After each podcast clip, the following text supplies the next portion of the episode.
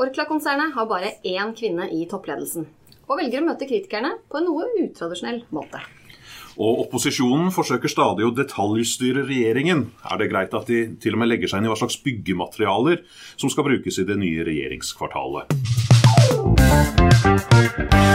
Ja, Velkommen til Firstcast, podkasten hvor vi i First House forsøker å by litt ekstra på noen av de sakene som vi gjerne diskuterer rundt lunsjbordet her på huset.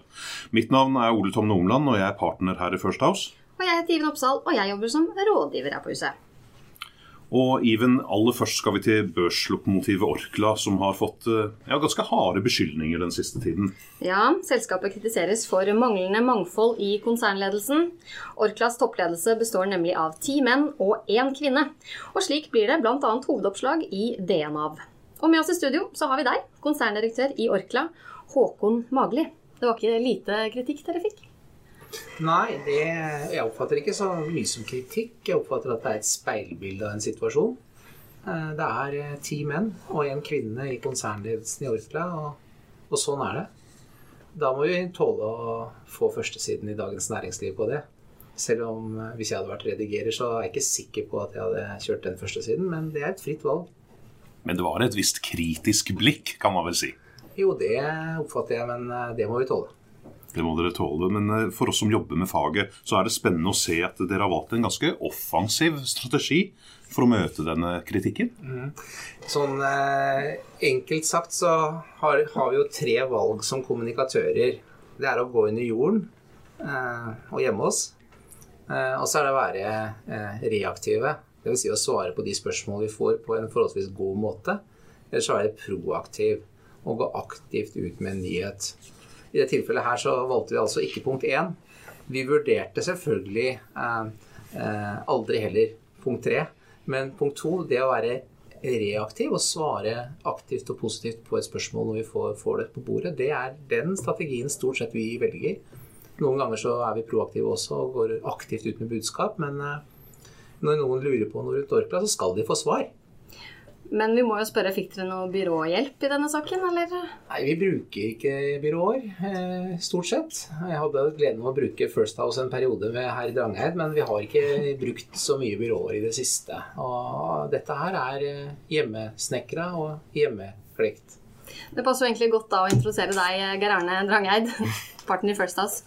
Du har vært med å hjelpe kunder ut av mange lignende situasjoner tidligere, og kanskje selv også opplevd lignende i din tid som konserndirektør i Aker. Du liker strategien som Ankla har valgt. Hvorfor det?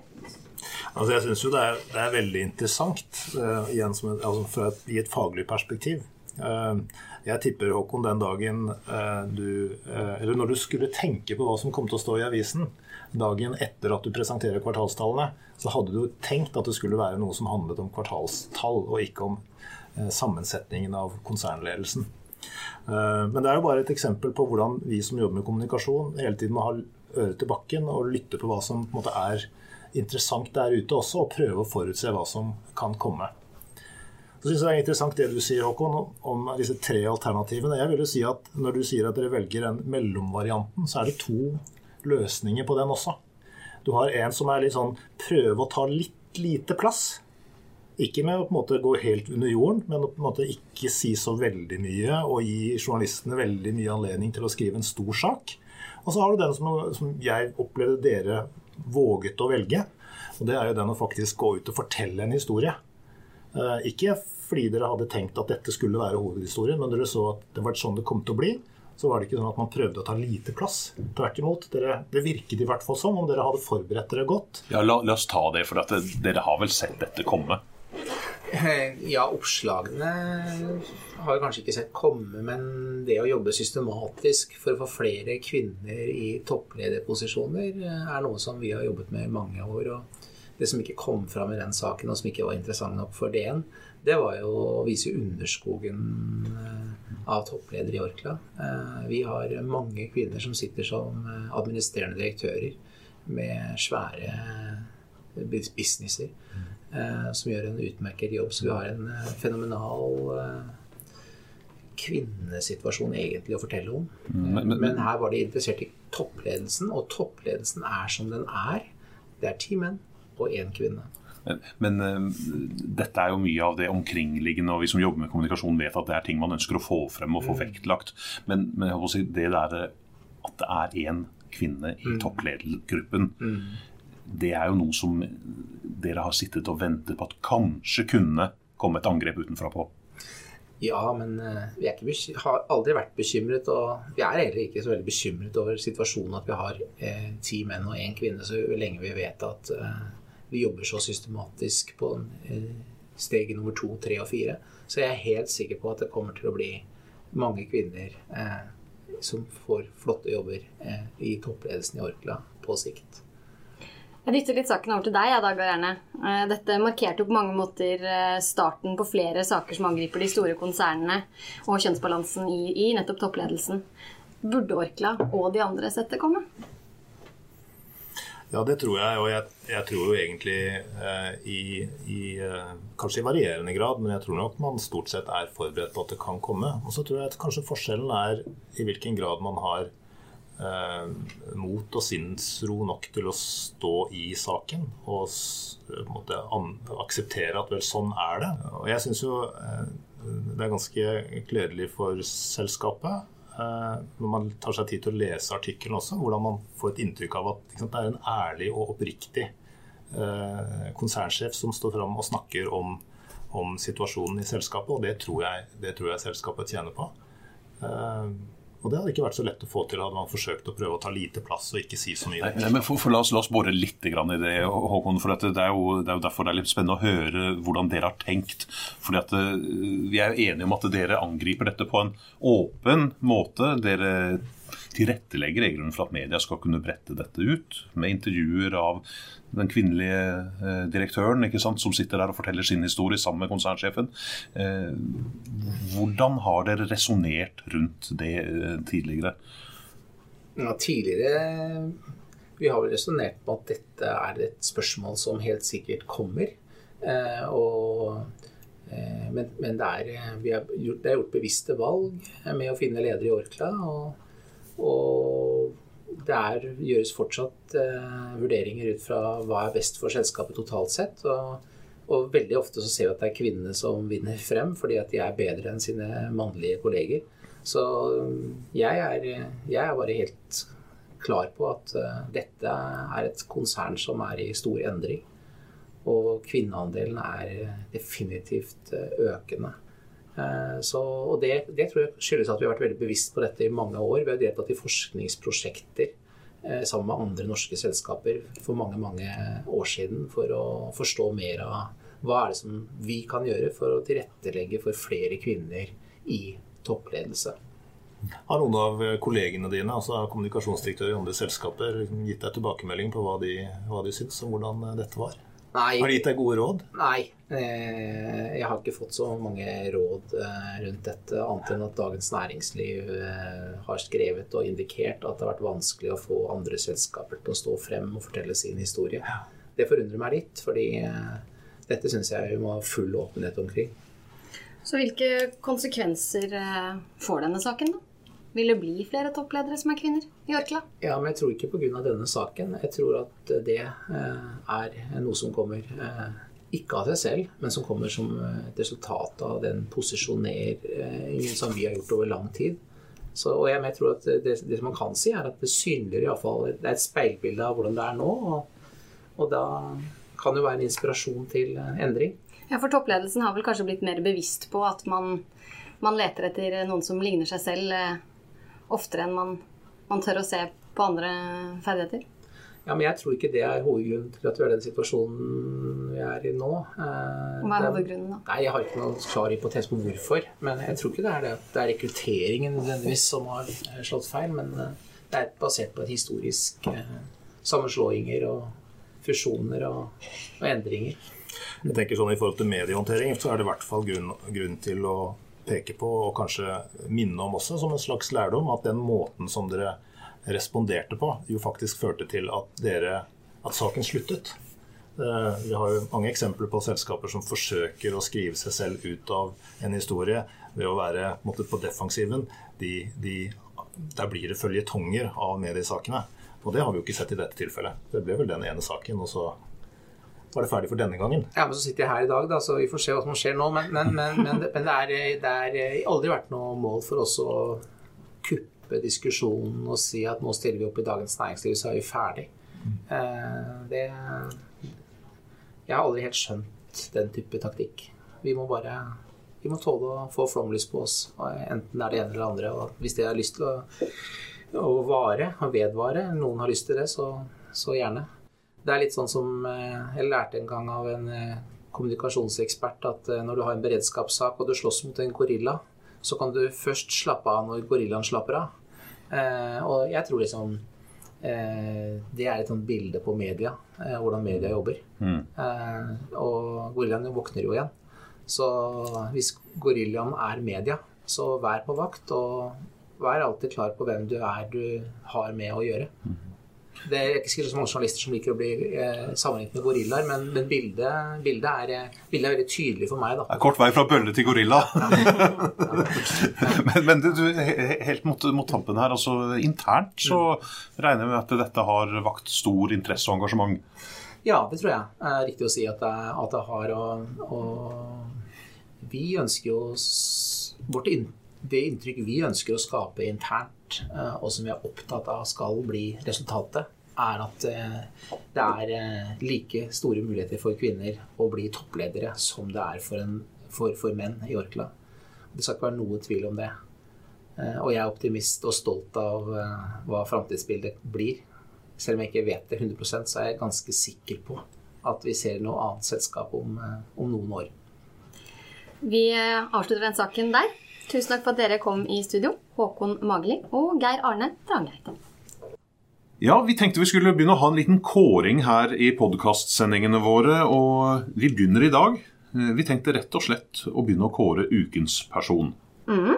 Og vi har beveget oss litt utenfor allfarvei denne gangen. Det er ikke en næringslivsleder vi skal trekke frem, og heller ikke en politiker eller kjendis. Isteden så, så vil vi dvele ved en kvinne som snart er 94 år. Og denne uken så kunne vi lese hennes sterke historie, bl.a. i A-magasinet Ole Tom. Ja, Else Heimstad er navnet, og hun er i våre øyne en ekte helt. I mer enn 60 år har hun kjempet for rettferdigheten til norske krigsseilere. Og 8. mai var veteranenes dag. I år ble 50-årsdagen til konvoibyen i Risør feiret på akkurat den dagen. Sammen med ektemannen Leif var Else pådriver for at konvoibyen ble bygget. Else var ikke selv krigsseiler, men hun viet sitt liv til deres sak. Så med en liten fanfare slår jeg fast Else Heimstad er ukas navn. Ja, vi skal videre i sendingen, for det har brygget opp til et skikkelig værskifte, kan man vel si, på Stortinget de siste månedene. Ja, det er nesten ingen grense for hva opposisjonen legger seg oppi av saker som utgangspunktet tilfaller regjeringspartiene. Senest denne uken kom Ap, Sp, KrF og SV med et forslag om hva slags byggematerialer som skulle brukes på det nye regjeringskvartalet. Og Ole Berge, du er partner her hos oss i First House og vært eh, sentral i Fremskrittspartiet, vært statssekretær, rådgiver i mange år. Hva er det egentlig som skjer på Stortinget nå om dagen? Nei, Det vi ser nå, er jo en eh, ny parlamentarisk situasjon. Eh, forrige fire årene hvor Høyre og Frp styrte, så hadde de en samarbeidsavtale med KrF og Venstre som regulerte mye av politikken som ble vedtatt i Stortinget. Eh, mens vi nå har en Høyre-Frp-Venstre-regjering eh, som ikke har en forpliktende avtale med KrF. Det betyr at KrF kan hoppe eh, over til opposisjonens side, for å kalle det det, og sørge for flertall mot den sittende regjeringa.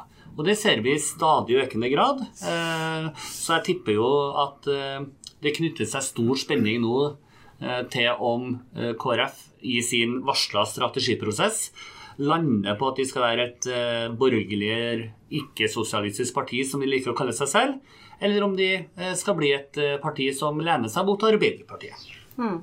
Morten Letland, også partner i First House.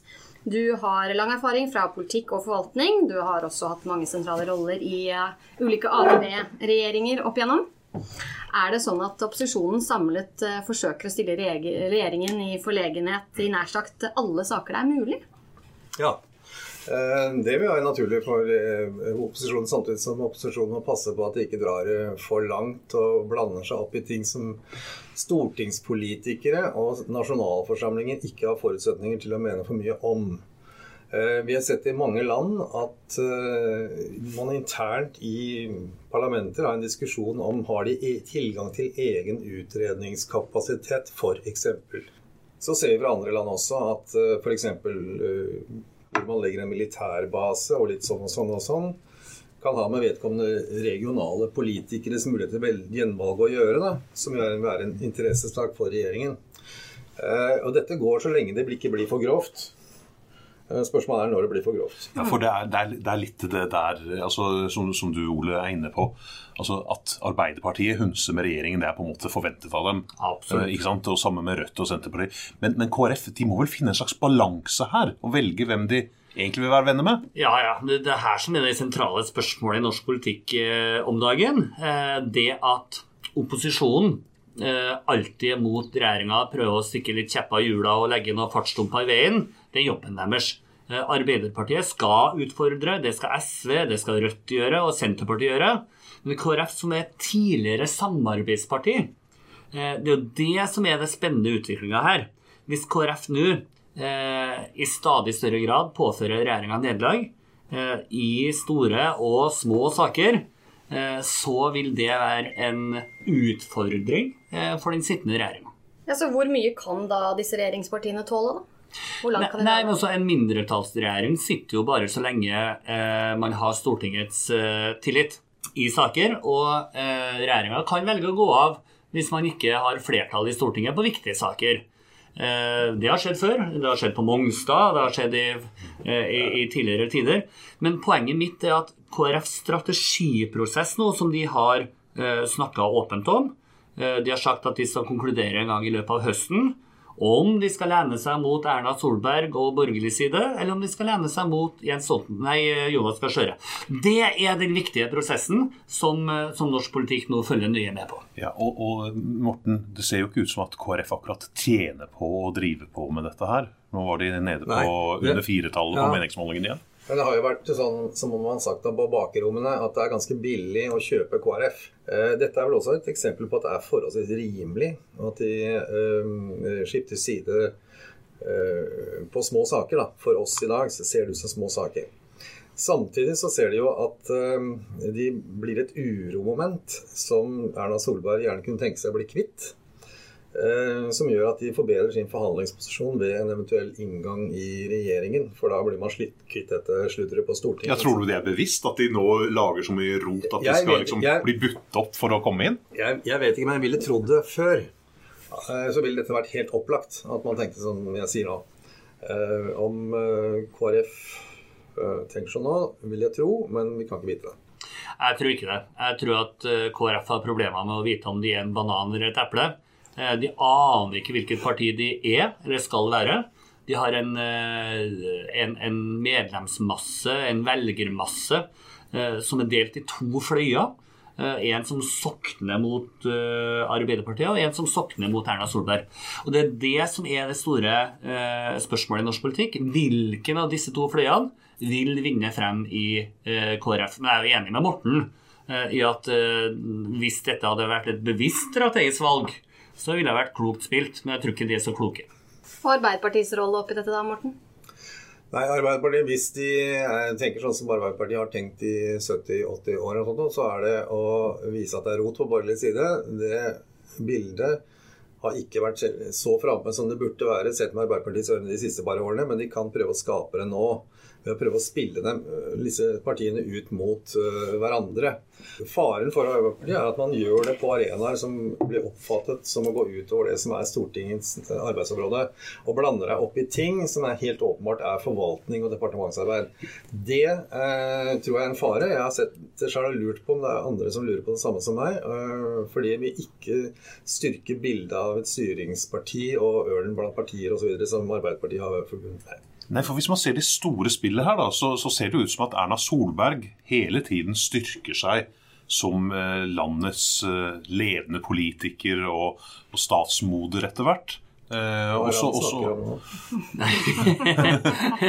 Nei, jeg er jo helt enig, Ole Tom. ja, ja, men, men Eh, altså, altså, altså, altså når, når KrF og de andre opposisjonspartiene samler seg om marginale saker og, og liksom stikker litt sånn i ryggen på regjeringen hele veien, så blir det litt sånn marginalisert opposisjon, blir det ikke det? Men dette er jo ikke noe nytt, eh, Ole Tom. fordi det som alltid skjer, er at eh, styringstillegget, som vi kaller det, altså til enhver tid sittende statsministers parti, vil ha gode muligheter for å styrke seg i, i, eh, i en politisk kontekst hvor det er mye kjekling, bråk og krangling. Erna har blitt en folkelig, jovial, stødig statsminister som tjener på det. På samme måte som at Jens tjente på å være tryggheten når det var eh, finanskrise i 2008-2009. Så dette er ikke noe nytt. Det er sånn Realitetsorienterer Frp i det bildet av at eh, Erna Solberg prøver å kle seg ut som statsbærende og liksom eh, trygge guiden til Norge. Det Erna Solberg gjør, det er jo eh, en skive av gangen gjøre det samme som Fredrik Leinfeldt gjorde i Sverige. Prøve å forvalte sosialdemokratiet så at ingen merker at vi tar en liten skive her og en liten skive der. Det er hun veldig god til. Altså holder hun seg unna en del sånn små, småkjegling som i det store bildet ikke uh, har, har noe med saken å gjøre. Men, men bildet er jo å avvikle store deler av det samfunnet som vi har bygd opp gjennom 60 år. Jeg har hørt Morten eh, sitt foredrag om sosialdemokratiet på 1920-tallet og hva høyresida gjorde da før, så jeg kjenner Og da dere var mot gratis skolebøker, det du mener? Ja. Frp var jo ikke stifta, da, så det, det får du legge på andre. Men poenget mitt er at Morten har til dels rett. fordi at eh, vi er nok eh, på alle måter blitt et samfunn som er relativt sosialdemokratisk i, i, i verdenssammenheng. Men poenget her er jo at stortingsflertallet nå stadig oftere påfører regjeringa nederlag på ting som folk ikke bryr seg om. Om det skal bygges med trevirke eller ikke i et nytt regjeringskvartal, det bør ikke Stortinget og Arbeiderpartiet som et eh, såkalt statsbærende parti eh, ta seg til. Og KrF burde da heller ikke hatt klåfingrene sine borti akkurat dette spørsmålet. Vi er straks ved veis ende, men ikke helt. For til slutt må vi spandere 45 sekunder på noe som skjer til helgen. Da er det landsmøte i Miljøpartiet De Grønne, som i år kan feire 30 år. Ja, og de har kanskje påvirket samfunnet og samfunnsdebatten mer enn den politiske oppslutningen dere skulle tilsi.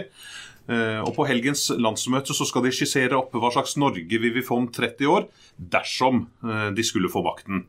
En liten forsmak får vi trolig i løpet av helgen, for eh, på lørdag da blir det alkoholfri landsmøtemiddag.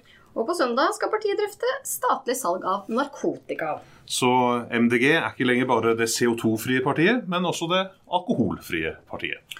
Og slik går nå dagene. Takk for at dere hørte på oss. Du finner vår podkast på Facebook, og ta gjerne turen innom vår egen hjemmeside First House for mer informasjon. Dette er Iden Oppsal. Og dette er Ole Tom Numland. Vi høres. Thank you.